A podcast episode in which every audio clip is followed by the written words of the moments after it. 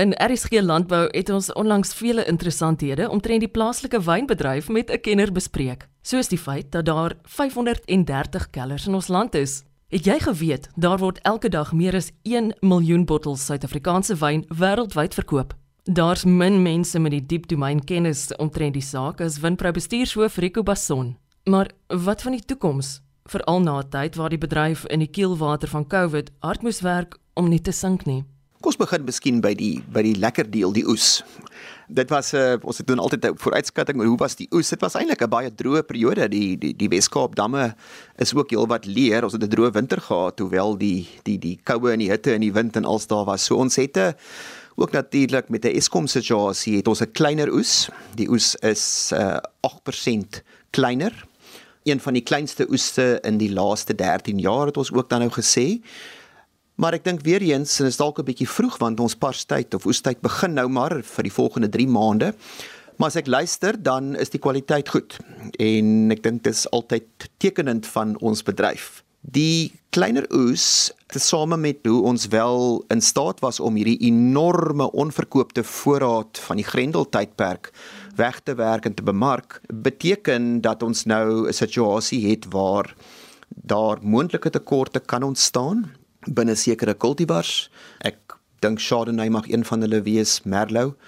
Nou die verbruiker moet nou of die luisteraar moet nou nie op hol gaan nie. Uh, hierdie is binne in 'n globale wêreld, maar ek dink daai tekorte behoort uit 'n prysoogpunt opwaartse insentief te gee vir die kelders wat hierdie wyn moet kontrakteer en verkoop. En dis broodnodig. Ons wonder altyd maar waarom krimp die hektare en waarom verloor ons produsente? Maar die antwoord is dat die winsgewendheid van 'n gemiddelde wynboer is baie baie laag. Hoewel dit van die kantlyn af dalk lyk na 'n rykmans omgewing met gevelhuise, is die is die antwoord dat die produsent maak net 2% opbrengs.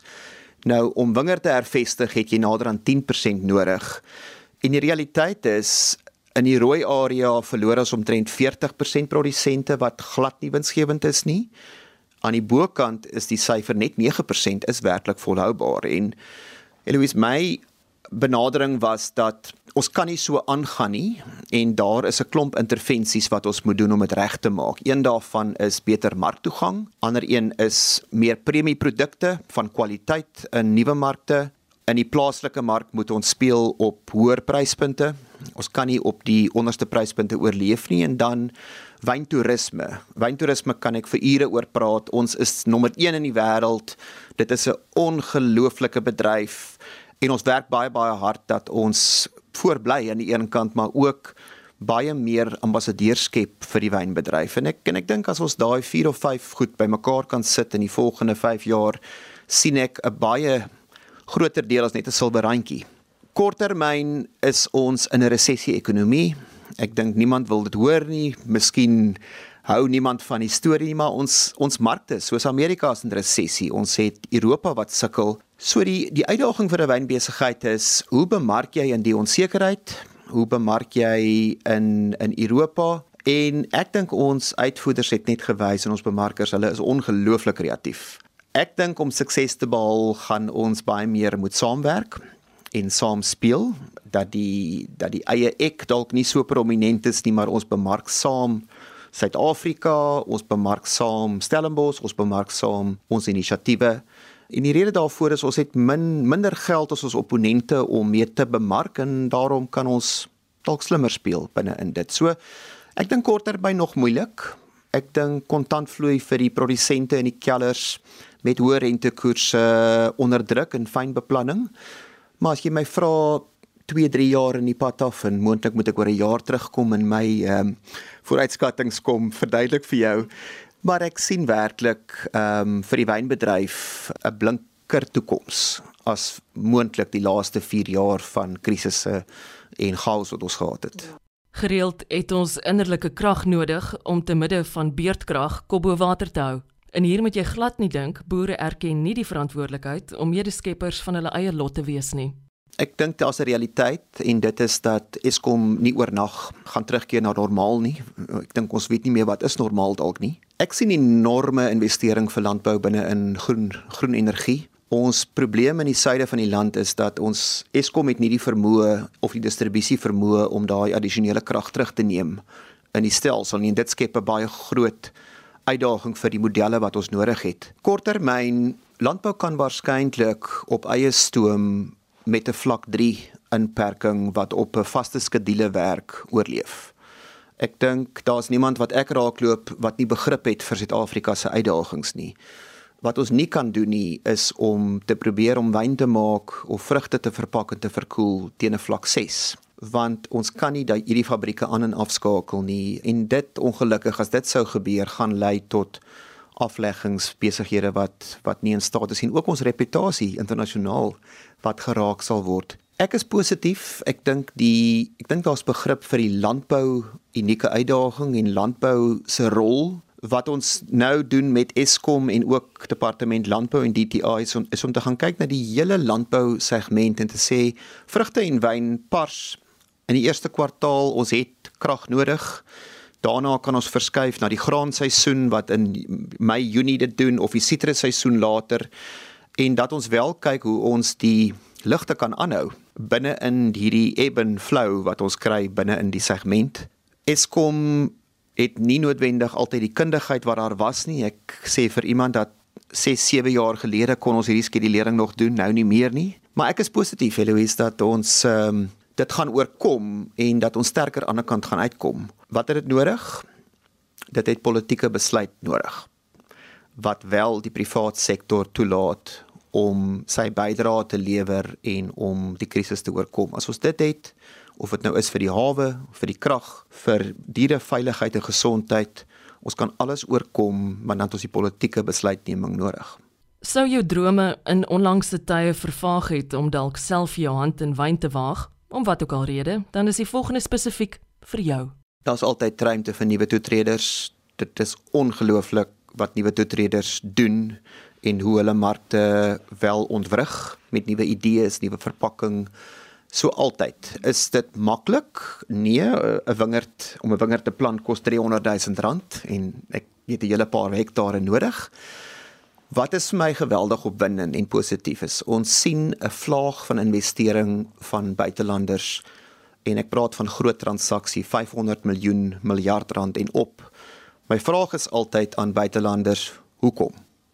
En die antwoord is konsekwent. Hulle sê drie goed. Hulle sê nommer 1 moet julle minder nuus kyk, minder nuus luister. Julle is vasgevang in hierdie dag tot dag Suid-Afrika krisis.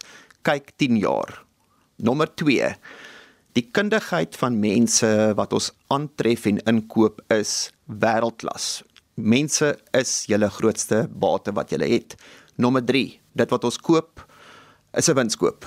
Dit is ongelooflik terroir en kwaliteit, maar dit is onderprys. En die rede is julle sukkel met rede 1 en 2. Julle is vasgevang en daarom het julle 'n minderwaardigheidskompleks altyd. En vir my is dit nogal belangrik vir ons, nê, nee, en, en as mens ook kyk na Michael Jordan en innovasie wat gesê word is dis baie moeilik om nie sosiale media te volg nie, maar dit is baie belangrik vir 'n besigheid om wel daai 10 jaar visie te hê. En dan miskien probeer ons self uit die krisis uithaal, uit die put uithaal en en as ons kan van buite af inkyk. En dan gaan ons vind ons probleme is nie uniek nie en ons gaan heel moontlik raak sien die sterkpunte en nie net al die rooi en stikkende goed nie en ek dink dit is waar dit is waar entrepreneurs ongelooflik is. Hulle sien in die middel van hierdie krisis geleenthede, hulle maak wins, hulle verander, hulle gaan voort en dit het fiksheid nodig. Rico Basson is 'n man met 'n plan. Sy geesdrif strek van Sauvignon Blanc tot sakebeplanning. Deel van verandering en 'n proses wat al 3 jaar aankom is dat ons ook op industrievlak gaan kyk het na die verskillende dienste. Nou die wynbedryf se dienste strek van plantverbetering met nuwe klone al die pad deur na toerisme. So ons het baie krities gaan kyk na daai dienste, um, ook omdat ons sien die kommersiële kant se behoeftes verander. En ek dink een van die opwindende goed wat ons dan nou ook uh, aangekondig het is dat ons 'n nuwe sambreel liggaam gaan vorm wat uh, vir ons wel hierdie foutlyne of gebreke kan aanspreek en die nuwe maatskappy se naam is SA Wine Suid-Afrika Wyn. En die doelwitte daarvan is om seker te maak dat ons met 'n enkel stem dieselfde boodskap kan vertel, van dieselfde bladmusiek af kan speel, dat ons seker maak die aanspreeklikheid om van hierdie uitdagings te oorkom is op die regte plek gekontrakteer, maar ook of ons wil weet of nie, die wynbedryf se sukses hang af van 10 nasionale departemente, 10 provinsiale departemente daarmee saam.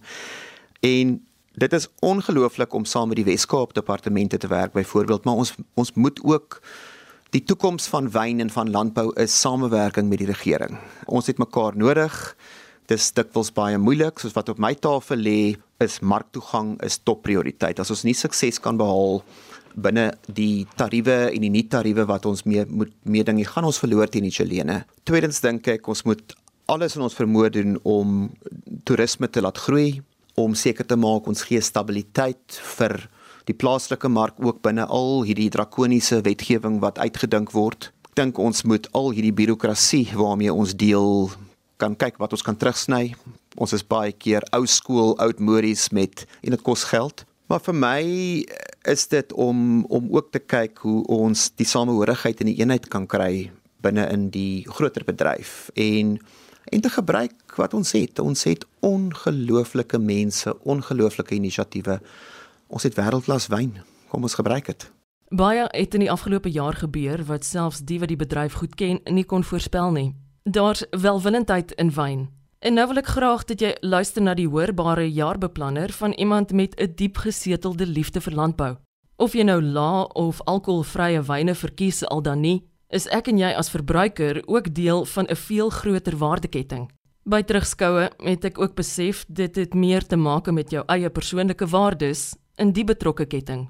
Weet jy Elise seker baie en ek dink ek dink baie van dit kyk 'n mens terug na van ons ontwikkelingsprojekte waar waar ons werklik werk gedoen het om om te kyk hoe kan ons loopbane skep vir individue Ons is dalk goed met pryse en en toekenninge uitkyk. Ons het nou 'n geval gehad van 'n van 'n projek wat ons 3 jaar nou met die pad loop waar die CEO van die besigheid was 3 jaar gelede die plaaswerker van die jaar.